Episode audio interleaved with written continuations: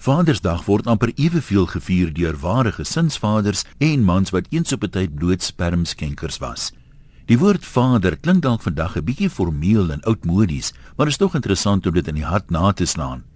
'n Man met een of meer kinders beteken dieselfde as pa.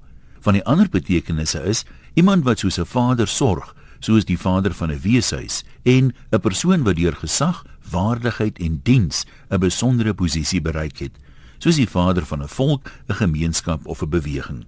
'n Vader staan vir meer as pa wees en is iemand wat die verantwoordelikheid van vaderskap aanvaar. Baie mense sê natuurlik Vadersdag is net 'n geldmaak besigheid. Natuurlik is daar oral uitstallings van geskikte geskenke op spesiale aanbod. Ek het self van een gebruik gemaak. Koop enige 2 bottels whisky en kry 20% afslag. Dis mos nou 'n bargain. My pa drink mos nie, maar hy besef dalk nie hoe meer jy drink, hoe meer spaar jy nie. Dit is wel so dat besighede geld maak uit Vadersdag. Maar as jy dan nou dit haat om jou geld in hulle tille te sien, wat het jy op Vadersdag gedoen?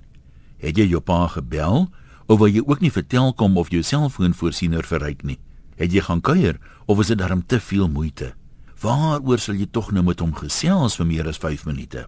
En as julle regtig ver van mekaar af is, het jy geskyp of het jou pa gelukkig nie toegang tot 'n rekenaar nie. Ek sê gelukkig omdat so baie kinders opsien teen Vadersdag. Al staan daar in hulle Bybels ook eer jou vader en jou moeder. Wat is jou verskoning?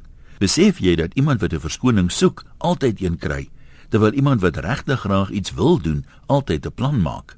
Dan is daar ook kinders wat voel hulle biologiese vaders was bloot spermskenkers Hulle stel glad nie belang om gedwonge kontak te maak op dae soos Kersfees en Vadersdag nie. Lynreg teenoor hulle is die mense wat sê elke dag moet eintlik Vadersdag wees, net soos jy elke maand jou tiende vir jou kerk moet skenk. Tog vind elke kerk dit nodig om 'n jaarlikse bazaar ook te hou. Hoekom dan nie Vadersdag ook nie? Wat behels 'n vader se verantwoordelikhede nou eintlik? Sommige vaders verwag dankbaarheid daarvoor dat hulle voorsien in hulle kinders se alledaagse behoeftes soos 'n dak oor die kop, kos in jou maag en klere aan jou lyf. Maar is dit nie hulle plig nie? As hulle dit nie doen nie, kom al die welfare mos die kinders. Hoopelik het jy op Vadersdag darm aan jou pa gedink, al is hy al oorlede.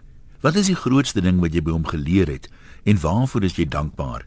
Ek het absoluut niks op Vadersdag verwag nie, maar 20 oor 7 die oggend lui my selfoon en ek sien dis my huishulp.